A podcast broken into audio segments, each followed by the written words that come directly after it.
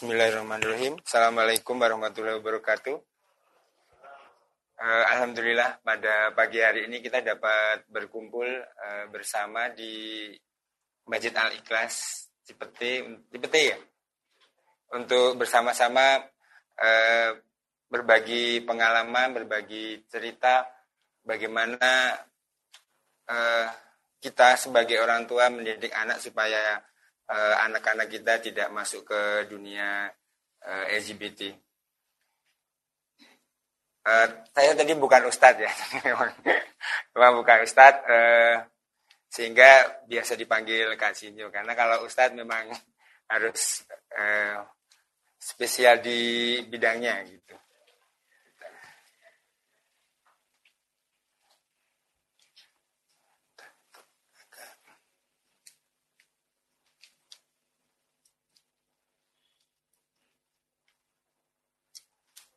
Ya, uh, tadi dibuka dengan bacaan basmalah dan uh, sholawat kepada Rasulullah dan bacaan Al-Quran.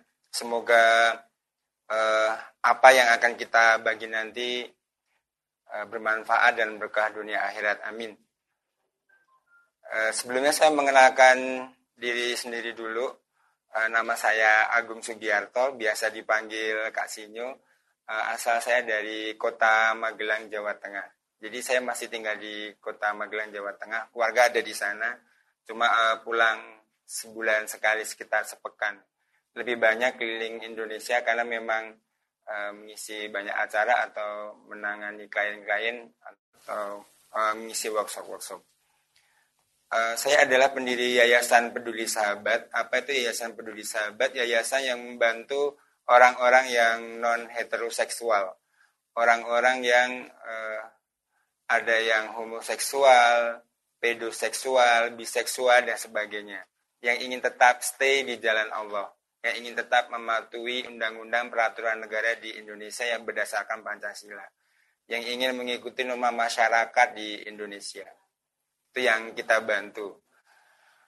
Kemudian yang kedua, peduli sahabat juga membantu eh, anak-anak uh, yang mania game dan gadget serta pornografi. Jadi kalau kecanduan masih bisa ditangani oleh kedua orang tuanya, tapi kalau maniak itu sudah nggak mau sekolah, eh, kadang nggak mandi tiga minggu, eh, berani memukul kedua orang tuanya, mencuri uang dan sebagainya. Nah, itu tugas utama Yayasan Peduli Sahabat. Jadi kita nggak sekedar memberi informasi, mengedukasi, tapi juga sampai ke penanganannya, membantu. Nggak sekedar Eh, memberi informasi terus sudah ditinggal gitu, tapi kita sampai ke penyelesaiannya. Uh, untuk khusus untuk game itu memang karena saya dulu mantan mania game, jadi uh, saya mantan mania game dulu kalau bapak-bapak pernah baca majalah Hot Game itu saya salah satu kontributor utamanya di uh, majalah Hot Game sama Winning Eleven di Gramedia. Uh, Alhamdulillah istri saya satu, uh, anak dua. Ya, istri saya membolehkan poligami ya. Di usia 70 tahun katanya boleh poligami. Sama saja nggak boleh ya. Karena saya sudah tua di usia itu, memang sudah nggak ada. Bahwa alam.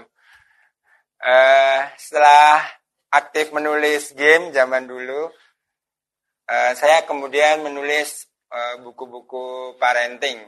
Uh, ada beberapa yang bestseller di Gramedia dan diterbitkan oleh uh, grupnya Gramedia ada juga beberapa komik untuk anak-anak. Uh, ini KTT sama saya.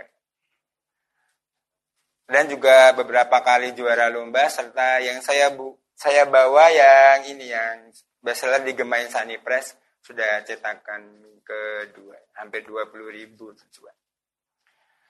Uh, anak saya dua uh, atau statistika atau matematika di bidang uh, sosial termasuk psikologi.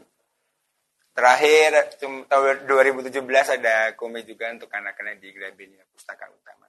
Baik, uh, itu saja kita kenalannya. Nah, kalau ingin lebih lanjut bisa setelah acara.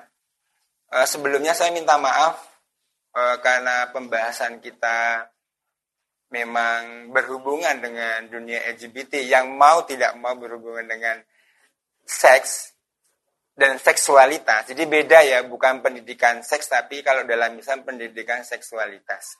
Kalau pendidikan seks itu seksnya itu sendiri, kalau seksualitas e, berhubungan dengan keseluruhan, jadi dari lahir pun sudah ada.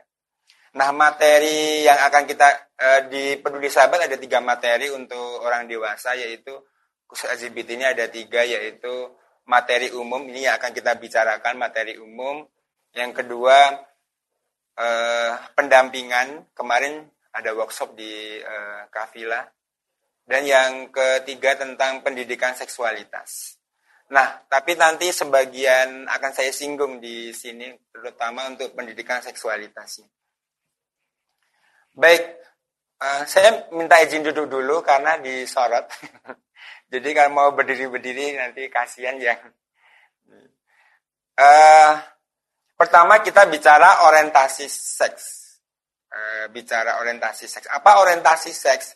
Orientasi seks adalah arah hasrat seks keinginan kita ke mana. Jadi, e, oh saya pengen seks sama A, sama B gitu. Nah itu arah kita itu namanya orientasi seks. Yang memang dia sudah muncul berdasarkan pengalaman hidup dan sebagainya yang kemudian akhirnya muncul uh, hasrat seks itu. Nah, zaman dulu ketika awal-awal diciptakan manusia, itu cuma ada orientasi seks namanya heteroseksual. Laki-laki tertarik dengan perempuan dan sebaliknya. Jadi tertarik kepada lawan jenis. Ini yang oleh orang LGBT disebut uh, orientasi seks kuno gitu. Sudah kadaluarsa kan. Jadi uh, Lambangnya seperti itu. Lambangnya untuk laki-laki tanda panah, yang perempuan tanda plus. Nah, sejak kapan orientasi yang awalnya heteroseksual kemudian sekarang muncul macam-macam sampai sekarang tidak ada ilmuwan yang tahu. Sejak kapan? Karena orientasi seks itu adanya di otak, pikiran, akal, ada di jiwa, di hatinya yang kecuali yang tahu cuma orang itu dan penciptanya. Kecuali saya ngomong, misalkan e, Bapak Ibu saya tertarik sama Cica, misalkan, nah itu Bapak Ibu jadi tahu gitu.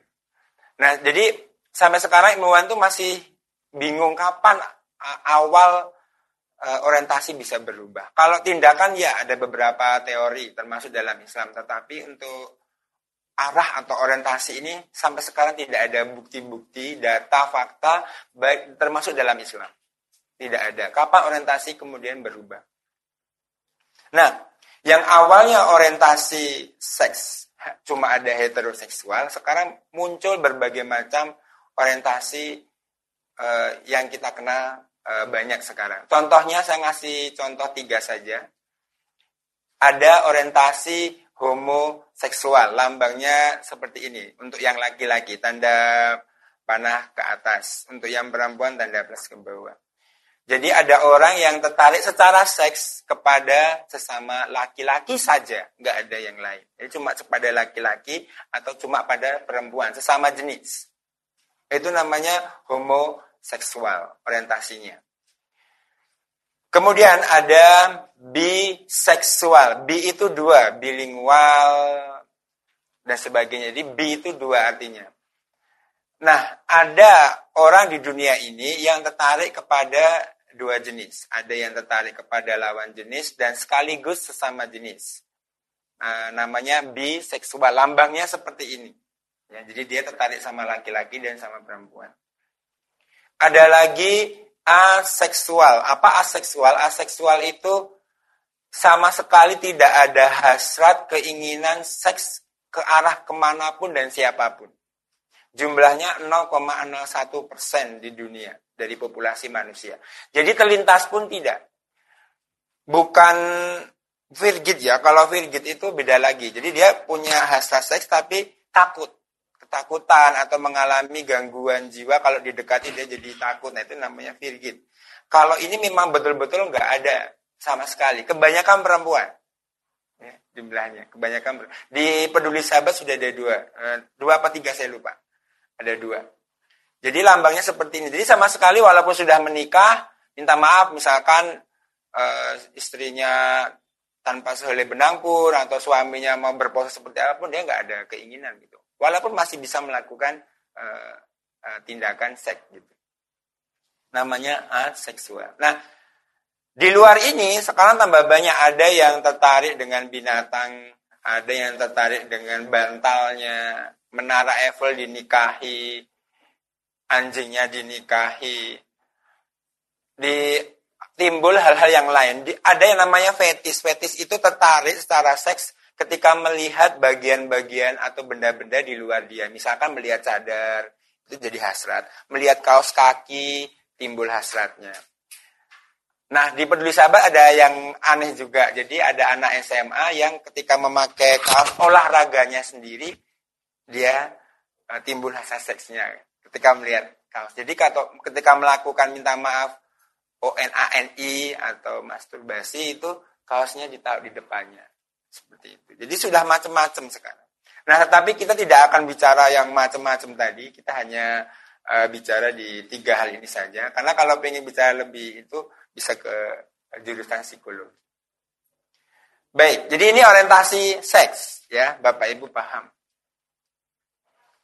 Nah, beda lagi dengan identitas. Apa identitas? Identitas itu muncul ketika sudah ada kerajaan, muncul ketika sudah ada uh, negara. Jadi identitas itu berkaitan dengan tiga hal pasti itu.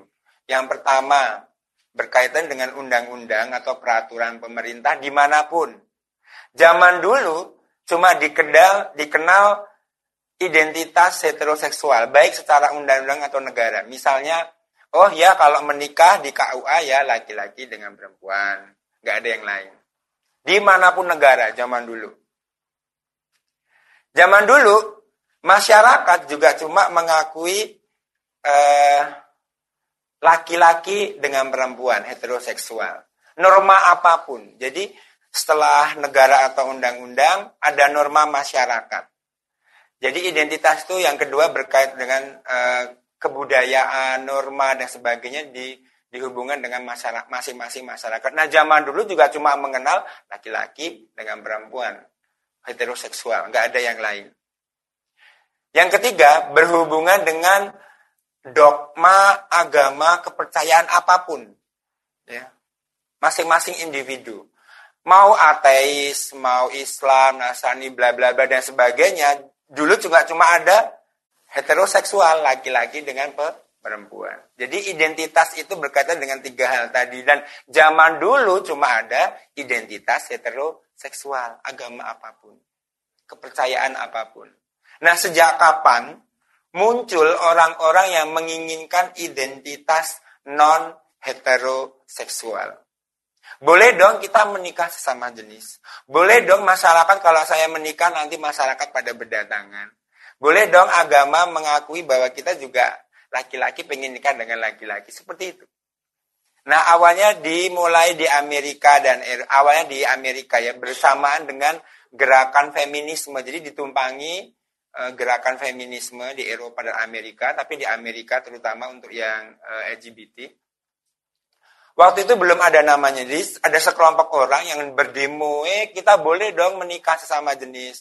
Sama dong kalau kamu memang heteroseksual silahkan menikah tapi kita juga harus boleh, baik secara undang-undang, baik secara masyarakat, norma, dan dogma agama kepercayaan masing-masing individu. Waktu itu belum ada namanya. Jadi namanya ya masih belum ada, ya cuma orang-orang demo gitu saja. Nah, seiring berjalannya waktu mulai muncul istilah-istilah ya yang uh, sekarang menjadi identitas. Contohnya, muncul ident, uh, istilah G. G ini diambil dari uh, kosakata bahasa Inggris yang artinya happy atau bahagia. Kenapa mereka menggunakan kata G? Karena uh, mereka kadang dipersekusi, disakiti, dihina itu nggak apa-apa kok, gue tetap happy saja gitu. Nah kata G ini awalnya dipakai oleh semua jenis kelamin, baik laki-laki maupun perempuan. Nah lama-lama yang perempuan, eh kok yang yang pakai kata G kebanyakan laki-laki ya udah kita bikin sendiri aja muncul kosakata lesbian. Lesbian ini diambil dari salah satu pulau di Sisilia Italia namanya Pulau Lesbos. Zaman dulu sebelum Masehi ada seorang perempuan namanya Sapo, dia seorang penyair. Suka menulis peny uh, syair-syair yang isinya menyatakan perasaan suka sesama jenis, cinta kepada sesama jenis. Nah akhirnya udah ambil itu aja pulau Lesbos yang kemudian berubah menjadi lesbian. Sampai sekarang masih menjadi salah satu destinasi utama kaum lesbian di dunia, pulau Lesbos itu. Di belakangnya kemudian muncul ada pedoseksual, biseksual, transgender, transseksual, queer, intersex, macam-macam tambah panjang gitu ya. Tapi orang lebih menyingkat dengan LGBT. Jadi LGBT ini identitas. Bukan sekedar orientasi, bukan sekedar tindakan, tapi identitas. Yang sudah diakui oleh PBB. Yang sudah diakui berbagai negara. Terakhir Australia. Jadi kalau kita bicara gay, lesbian, itu bicara identitas lawan dari identitas heteroseksual. Identitas heteroseksual sekarang lebih singkat disebut dengan identitas straight supaya lebih mudah penyebutannya. Nah, Indonesia termasuk negara yang masih menolak identitas ini. Jadi, semua negara yang di bawah PBB harusnya sudah mengakui identitas ini. Tetapi masih ditolak oleh uh, anggota DPR, anggota MP. Kita masih harusnya berterima kasih oleh mereka sering korupsi gitu ya. Terima kasih telah menolak ini gitu. Nah, bagaimana keadaan di Indonesia? Kita sebaiknya jangan menyebut LGBT LGBT karena sebetulnya jumlah LGBT itu sangat sedikit jumlahnya. Itu Kak Sinyo anak saya melambai, apakah dia gay? itu kita sebetulnya sudah mempromosikan LGBT itu sendiri.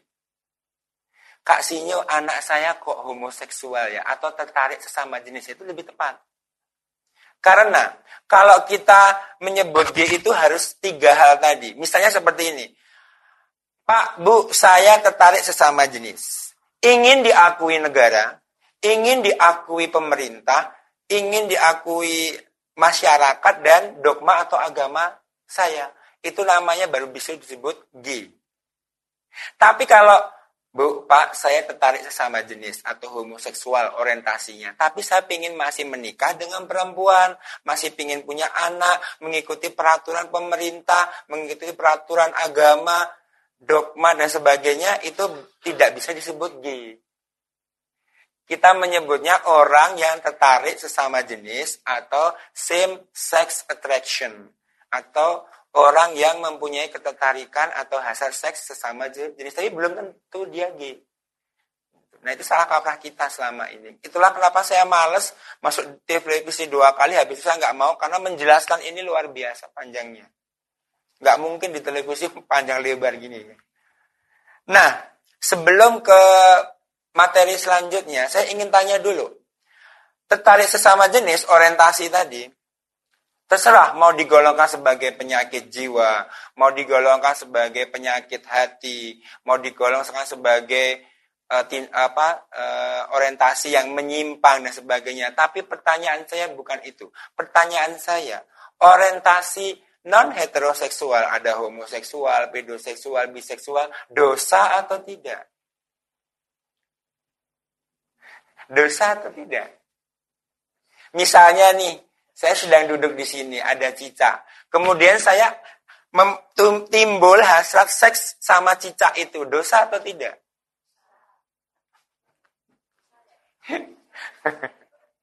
saya, ya, saya gangguan jiwa. Tapi saya dosa atau tidak seperti itu?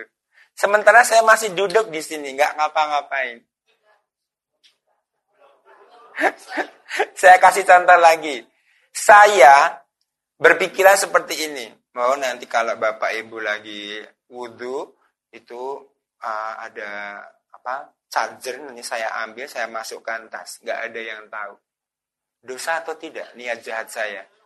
Tapi saya masih duduk di sini nggak ngapa-ngapain. Niat jahat dalam Islam belum dihitung apa apa kalau dilakukan maka dosanya sah satu kalau kita berniat baik oleh Allah sudah dihitung satu pak pahala melakukannya pahalanya berlipat-lipat. Nah ini kita sudah salah kaprah kan? Selama ini. Oh itu dia sudah dosa. Contohnya seperti inilah. Mah, uh, misalkan ibu sudah nonton drama Korea nih, terus anaknya umur 15 tahun duduk di sampingnya, mah, aku kok tertarik sama Tono ya, secara seks. Kita reaksinya apa? Astagfirullah, nah, kamu kamil nabilut gitu kan? Betul nggak? Reaksi kita seperti itu.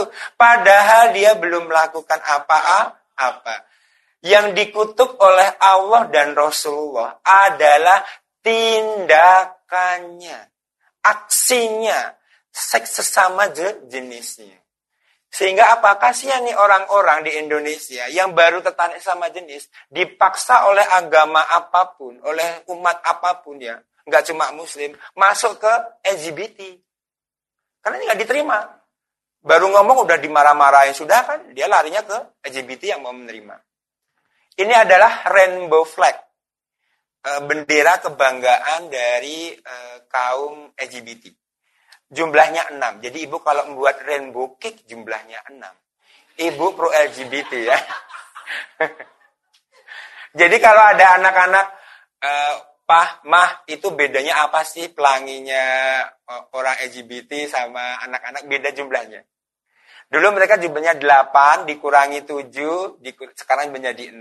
Punya anak-anak masih mejiku hibi niu, jumlahnya tuh 7. Nah, ini masing-masingnya ada artinya sebetulnya. Nah, jadi ini yang peduli sahabat tangani. Jadi bohong atau bukan bohong ya, salah kaprah. Media meng, eh, Sinyo ini penakluk LGBT bukan. Saya tidak mendampingi LGBT. Nggak mungkin LGBT mau didampingi. Nggak bakalan mau. Karena dia sudah ingin, sudah negara ini membolehkan pernikahan sama jenis seperti itu. Nggak mungkin didampingi.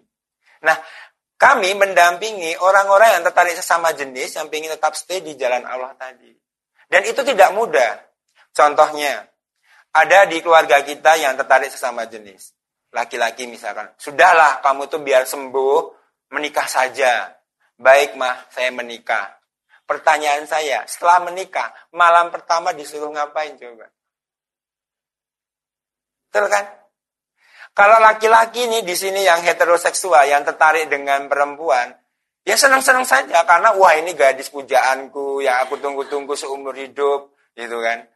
Dia senang malam pertama adalah malam yang paling ditunggu oleh laki-laki yang soli. Sekarang kalau orang itu tertarik sesama jenis, jangankan melihat istrinya yang mungkin wajahnya biasa-biasa saja. Lihat yang sekelas Luna Maya, Raisa, Tamara Brensiski, dia mutah-mutah. Mual. Kan? Nah itulah yang kita bantu. Jadi peduli sahabat membantu bagaimana mereka bisa menjalani itu semua. Mencintai perempuan seperti apa, supaya bisa berhubungan seksual seperti apa, menjauhi LGBT bagaimana itu yang kita bantu. Paham ya sampai di sini? Ya. Nah, perkiraan perkiraannya berapa sih sini yang tertarik sama jenis yang melakukan tindakan? Baik. Perkiraan saya, perkiraan saya ini berdasarkan pengalaman saya sejak tahun 2008. Jadi saya sudah 10 tahun mendampingi orang-orang yang tertarik sesama jenis dan bla bla bla dan sebagainya dan me, hampir 20 tahun mendampingi anak-anak yang kecanduan game dan pornografi. Nah, Bapak Ibu coba ingat, dulu ketika SD, SMP, SMA, ada yang aneh nggak setiap kelas? Ini laki-laki kok melambai gitu ya sukanya main sama perempuan dan sebagainya. Ada nggak setiap kelas? Yang perempuan maco, suka pegang-pegang gitu. Kita ambil satu-satu saja. Satu laki-laki, satu perempuan. Ya, yang tertarik sesama jenis. Dibandingkan 35 siswa. Kenapa 35 siswa? Karena uh, siswa di SD negeri rata-rata 40 per kelas. Siswa di SD swasta rata-rata 25 sampai 30. Saya ambil tengah-tengahnya 35. Maka perkiraan saya orang yang tertarik sama jenis dari populasi di Indonesia sekitar 14 juta lebih. Umat muslim kita jumlahnya terbesar di Indonesia sekitar 85% dari populasi sekitar 250 juta ya populasi Indonesia maka kita sekitar 12 juta orang muslim yang tertarik sesama jenis ini belum yang lain-lain loh ya belum yang pedoseksual. Pedoseksual itu tertarik e, ngeseks sama anak-anak. Belum yang macam-macam yang lain. Pedoseksual itu bukan e, beda dengan satunya lagi apa saya lupa. Nah, yang datang ke peduli sahabat, ya, itu 60 persennya mengaku sebagai aktivis muslim. Ya. Ada di semua harako. Itulah kenapa saya diterima di semua harako karena ya ada di semuanya. Gitu. Ini menunjukkan apa?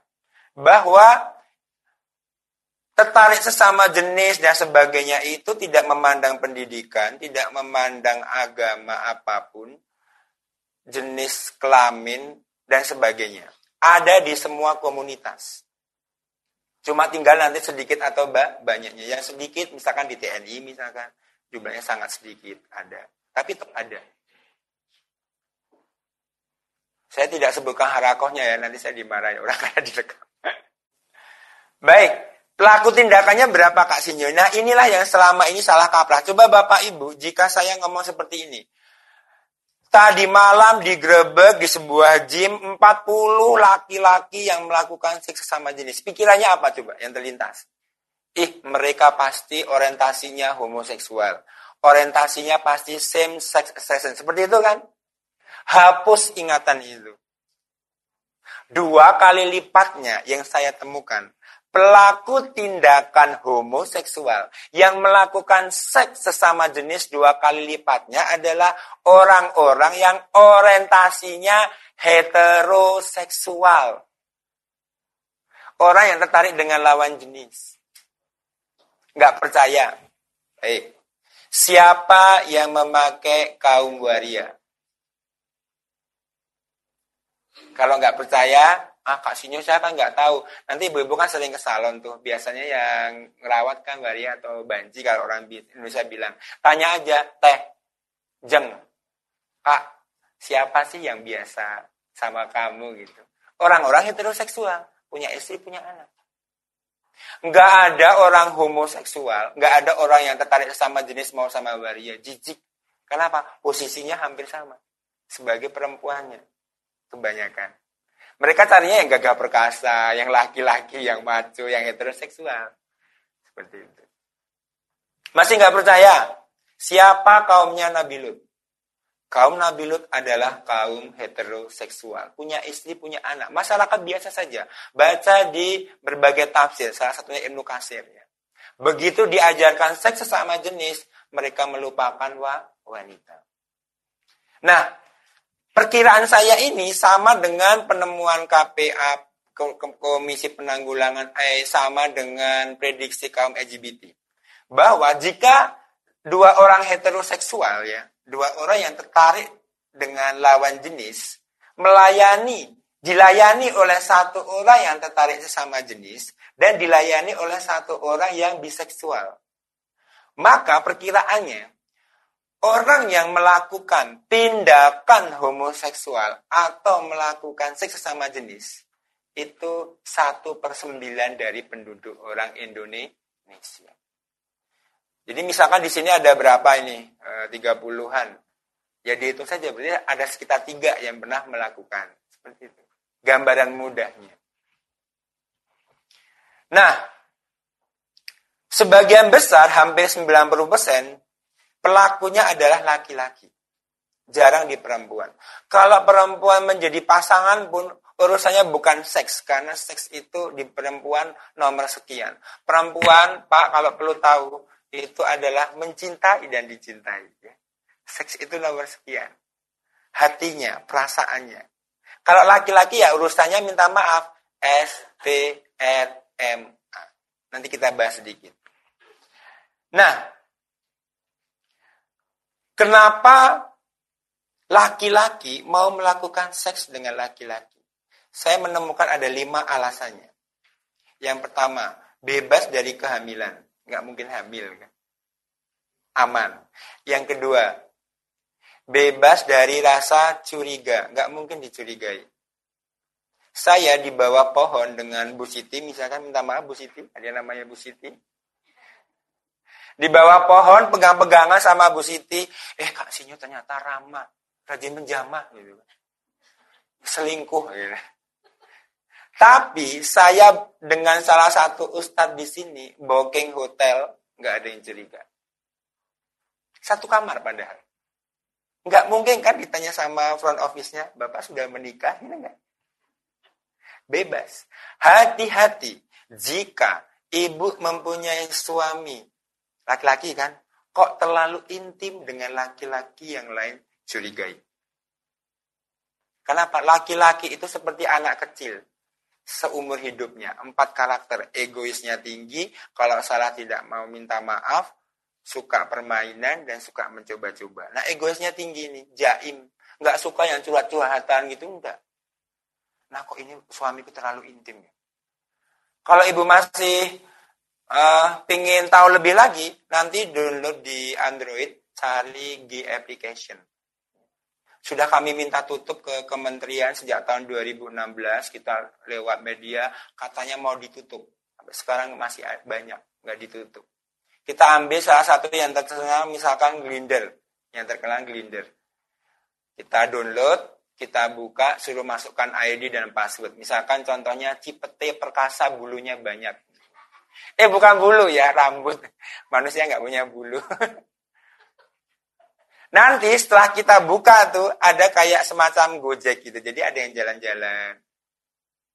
Eh 5 kilo ada nih kena. Eh kenalan dong boleh ketemu di mana? Ketemu di sana. Gitu. Pertanyaan saya, setelah ibu-ibu download, membuat, dibuka, ternyata satu atau dua meter ada yang pakai juga. Kira-kira siapa? Eh, kok satu dua meter ada nih? Bapak RT gitu. Karena dindingnya rumah bersebelah dengan Bapak RT. gitu ya. Gak percaya nanti dicoba ya. Di satu kampung ada yang pakai apa enggak? Ada pasti. Yang ketiga, bebas dari tuntutan. Gak mungkin dituntut. Saya kalau misalkan pacaran dengan perempuan, itu lima bulan kemudian putus, selingkuh ya, saya bisa dituntut ke media. Masuk ke RCTI, oh, ternyata Kak Sinyo itu setia, setiap tikungan ada gitu kan. Pertanyaannya, jika saya selingkuh dengan laki-laki, lima bulan kemudian kita sama-sama, uh, saya bosan, saya putus tuh pacar saya yang laki-laki, dia mau lapor ke mana coba? Kalau ibu-ibu yang lapor kan media bisa memframing, oh ternyata Kak Sinyo itu kejam, gitu dan sebagainya. Kalau laki-laki mau lapor ke mana? Jangankan ke media, lapor ke Pak RT saja dilempar sendal sama Pak RT kan. Jadi bebas dari tuntutan. Bapak-bapak kalau sampai melayani yang tertarik sesama jenis, sampai mereka jatuh cinta, bisa dimutilasi kalau diputus. Serius. Karena susah menemukannya gitu ya. Bisa di oh, posesif mereka. Yang keempat, Tahu sama tahu atau TST. Ini menyakitkan bagi perempuan, tapi harus saya sampaikan supaya ibu-ibu tahu ya bahwa melakukan seks dengan perempuan itu, dengan istri-istri itu membosankan. Serius. Kalau nggak percaya tanya nanti suaminya. Pak, aku membosankan ya.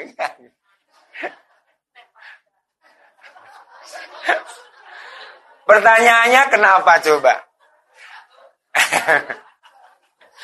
Karena perempuan tidak tahu seks kecuali satu melihat pornografi, dua diajari laki-laki, tiga dia profesinya perawat, dokter atau yang sejenisnya. Yang tahu anatomi tubuh manusia. Kalau seumur hidup perempuan tidak tahu tiga hal tadi, malam pertama melihat ular keluar dari sarangnya bisa pingsan. Serius. Bapak-bapak dulu.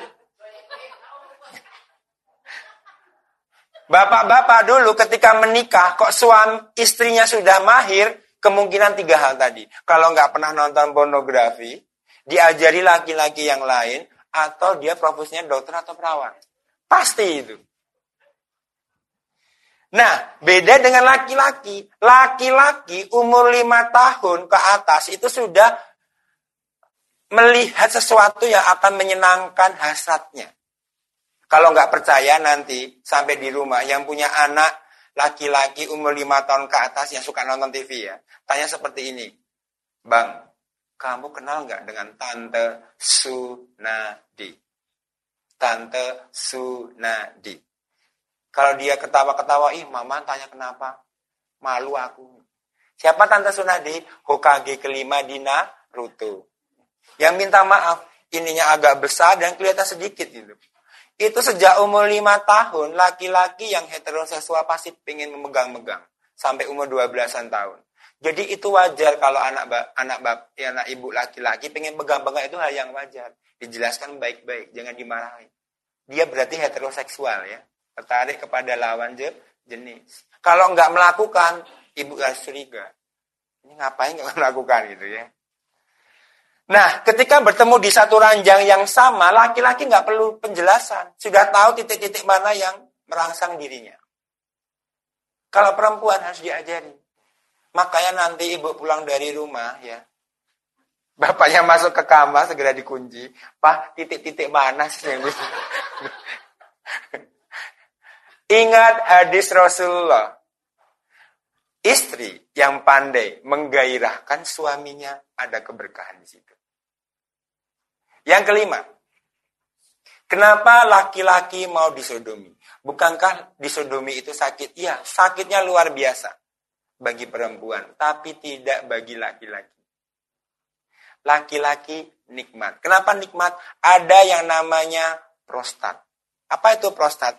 Dia menghasilkan cairan kedua dari tiga cairan di laki-laki. Laki-laki punya tiga cairan. Yang pertama yang bening putih, eh bening uh, lengket itu ketika terangsang itu cukup dibersihkan, nggak harus mandi wajib.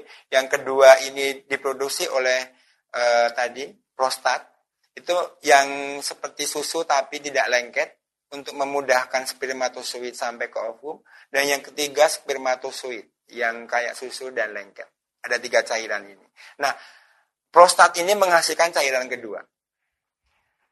Dokter ahli penyakit kulit dan kelamin kalau memeriksa kanker prostat itu lewat anus, ya jaraknya sekitar segini. Jadi setelah klip yang untuk memutus e, kotoran itu, itu dibaliknya, dipegang-pegang Pak ini ada kankernya nih harus di apa dioperasi gitu. Nah ternyata prostat ini kalau digesek-gesek atau disodok-sodok, maka orang yang disodomi akan mengeluarkan cairan kedua dan yang ketiga.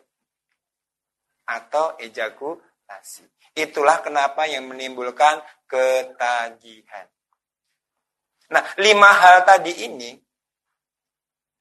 pesan dari para klien saya, jangan sekali-kali laki-laki melayani pria karena akan melupakan wanita.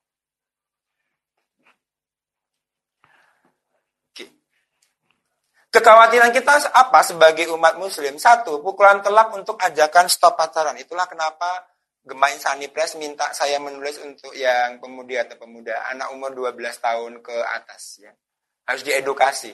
Karena apa? Zaman dulu, bapak-bapak ini kalau ketua OSIS, juara teladan, ranking satu, nggak pacaran, banyak perempuan yang rela antri menjadi istri-istri beliau. Oh, dia solih nggak pacaran. Itu zaman dulu. Zaman sekarang, kita melarang anak-anak pacaran. Tahu nggak sosialnya di kalangan kita? Lu nggak pacaran, lu homo ya. Lu nggak pacaran, lu lesbian ya.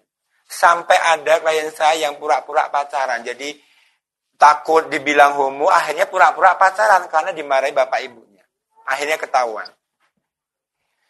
Kasihnya bagaimana sih kalau kita nih para pemuda yang nggak ingin pacaran sesuai dengan Islam tapi nggak dicap uh, homoseksual? Ah mudah, di buku ada. Gampang. Kalau ada yang menganggap seperti itu, ngomong aja seperti ini. Jangan-jangan elu yang homoseksual. Pura-pura pacaran supaya dianggap normal. Selesai. Contoh yang lain. Tindakan homoseksual membiak dengan cepat seperti kaum Nabi Lut. Zaman dulu orang yang tertarik sama jenis sebutnya sudah banyak. Tetapi tidak terakomodir. Nggak ada media sosial. Zaman sekarang media sosial luar biasa. Sehingga terkoneksi, bisa mencari. Nah, Sehingga membiak seperti kaum Nabi Lut. Kenapa membiak dengan cepat termasuk kaum heteroseksual melakukan? Karena urusannya di laki-laki adalah hanya SPRMA. Titik. Urusan laki-laki itu cuma menjaga farji di dunia ini. Di keduniaan ya di hubungan seks. Kenapa? Karena memang setiap tiga hari kantung SPRMA laki-laki penuh. Itulah kenapa dia ingin mengeluarkan. Lewat apa? Pandangan mata atau telinga. Gak bisa dia disuruh diam. Membayangkan gak bisa. Dia makanya lihat. Bapak lihat tiga hari sekali pasti matanya jelalatan ke mana-mana. Ibu kalau pengen suaminya betah di rumah, kuraslah tiap tiga hari sekali. Serius. Dengan cara apa pun. Kenapa? Kalau tidak, ya nyari di tempat lain. Baik sesama jenis maupun lawan je, jenis. Jadi dikuras. Itu kalau dikuras seperti makan, Bu. Jadi kalau makan kita kenyang, mau lobster lewat, eh, apa kepiting lewat, nggak kepingin lagi. Sama kalau beliau dikuras tiap tiga hari sekali, malu nama yang lewat dan sebagainya sudah nggak kepingin. Nah itulah laki-laki. Urusannya cuma itu. Apakah laki-laki punya cinta? Jawaban cuma ada dua. Ibu mau pilih yang mana? Satu, tidak punya cinta. Urusannya cuma SPRMA. Atau dua, punya banyak cinta. Mau pilih yang mana? Bohong kalau ada laki-laki ngomong seperti ini. Kamu adalah perempuan satu-satunya di dunia aku cintai bohong. Tapi kalau ngomong kamu yang paling aku cintai, ya mungkin. Bayangkan zaman dulu orang boleh menikah di umur 17, bla bla bla dan sebagainya. Kita mengikuti psikologi barat. Di dalam Islam nggak ada yang namanya remaja, nggak ada. Remaja itu muncul di psikologi abad 20. Jadi peralihan anak-anak ke dewasa. Di dalam Islam cuma ada anak-anak dan dewasa. Umur 10 tahun sudah akil sudah dewasa dia harusnya. Nah, biologisnya, baliknya itu mengikuti 10 sampai 15 ta tahun. Itu yang disebut pemuda atau pemudi dalam Islam.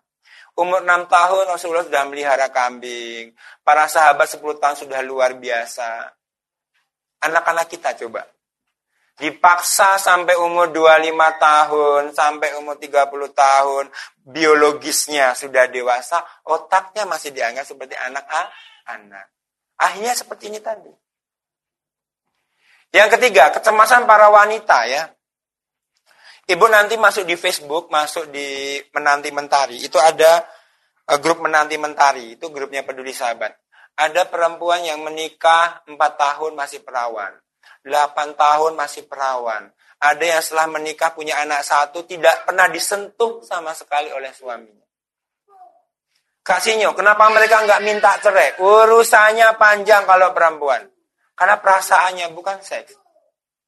Kasihnya, kalau sampai bapak ibu saya tahu saya masih perawan, saya mereka bisa masuk UGD. Saya sudah terlanjur jatuh cinta dan sebagainya seperti itu. Kalau laki-laki istrinya meninggal pagi ini, sore dikubur, itu malamnya menangis. Ya Allah, siapa yang menemaniku aku nanti malam? Seperti itu. Kalau laki-laki. Kalau perempuan, suaminya meninggal bisa bertahun-tahun nggak menikah lagi. Karena cintanya. Nah, itulah kenapa saya minta nanti Bapak Ibu yang punya anak perempuan, termasuk saya, anak bungsu saya perempuan. Kalau ada laki-laki yang mendatangi, harus ditanya orientasi seksnya. Harus zaman sekarang. Periksa semua termasuk HIV. Nah, minta maaf ya. Kamu kan mau mendatangi anak saya. Kamu orientasi seksnya apa? Bagaimana kasihnya kalau dia mengaku homoseksual atau tertarik sama jenis? Nggak masalah. Selama kamu memang orang baik, pengen berkat, kita ajari nanti. Bedanya apa coba? Kalau ibu menikah dengan orang yang orientasinya homoseksual dan heteroseksual. Bedanya ketika selingkuh doang. Kalau selingkuh yang heteroseksual will, wanita idaman lain. Kalau yang homoseksual selingkuhannya pil. Bedanya cuma itu, yang lainnya sama. Yang keempat, orang tua cemas apakah orientasi anak bisa dideteksi? Bisa, nanti saya ajari. Dan yang kelima, jalan dakwah semakin berat karena ingat, tindakan ya Itu ada di pondok-pondok pesantren, di boarding-boarding, banyak. Bukan banyak, maksudnya ada. Ketika Dede Utama mengatakan di pondok pesantren banyak tuh LGBT, bukan LGBT, tapi tindakannya. Karena banyak remaja-remaja, eh bukan remaja, pemuda yang libidonya tinggi, SPRM-nya penuh kantungnya, nggak ada pelampiasannya. Adanya di situ ya sesama ya sudah dilampiaskan. Akhirnya menjadi ke kebiasaan. Ini nggak bisa ditutupi, nggak cuma di pondok. Di Nasrani banyak, sama saja. Yang di Buddha sama saja. Kalau nggak percaya nanti nonton film Spotlight. Itu membongkar kebusukan di eh, Vatikan. Sama saja. Spotlight. Itu dapat Oscar ya. Nah, di saat kita juga sama saja di pondok-pondok pesantren. Nah, itulah kenapa pondok pesantren harus diperbaiki sistemnya. Nah, apa penyebabnya, indikasinya, dan antisipasinya sebagai orang tua? Penyebabnya, kalau kita bicara dengan LGBT, dia kekeh bahwa ini adalah biologis, gen, DNA, keturunan. It's okay kalau memang mereka punya seperti itu. Pertanyaan saya, karena saya bukan dokter, kalau memang itu keturunan, kok sejak lahir nggak ada alat seperti ini misalkan? Ketika anak lain, owe, owe, celep, astagfirullah, anakku homoseksual gitu. Sampai sekarang, mereka nggak berani menantang jawaban itu. Nah, penyebabnya, penelitian terakhir memang sebagian besar adalah pendidikan di keluarga ya. Psikologis. Ada biologis, ada. Contoh yang biologis. Dr. Widiansah, teman saya, itu menangani anak yang ketika pemuda itu tertarik sama jenis. Ternyata setelah dibaca riwayatnya, dia punya penyakit jantung pas bayi.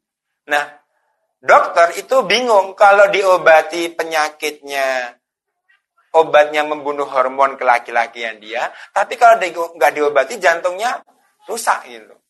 Akhirnya dokter memilih untuk diobati sampai SMP. Nah setelah jantungnya sehat baru diterapi hormon laki-laki. Ada yang seperti itu. Jadi kita nggak menolak semua psikologis tidak ada memang yang disebabkan biologis, tapi jumlahnya tidak banyak.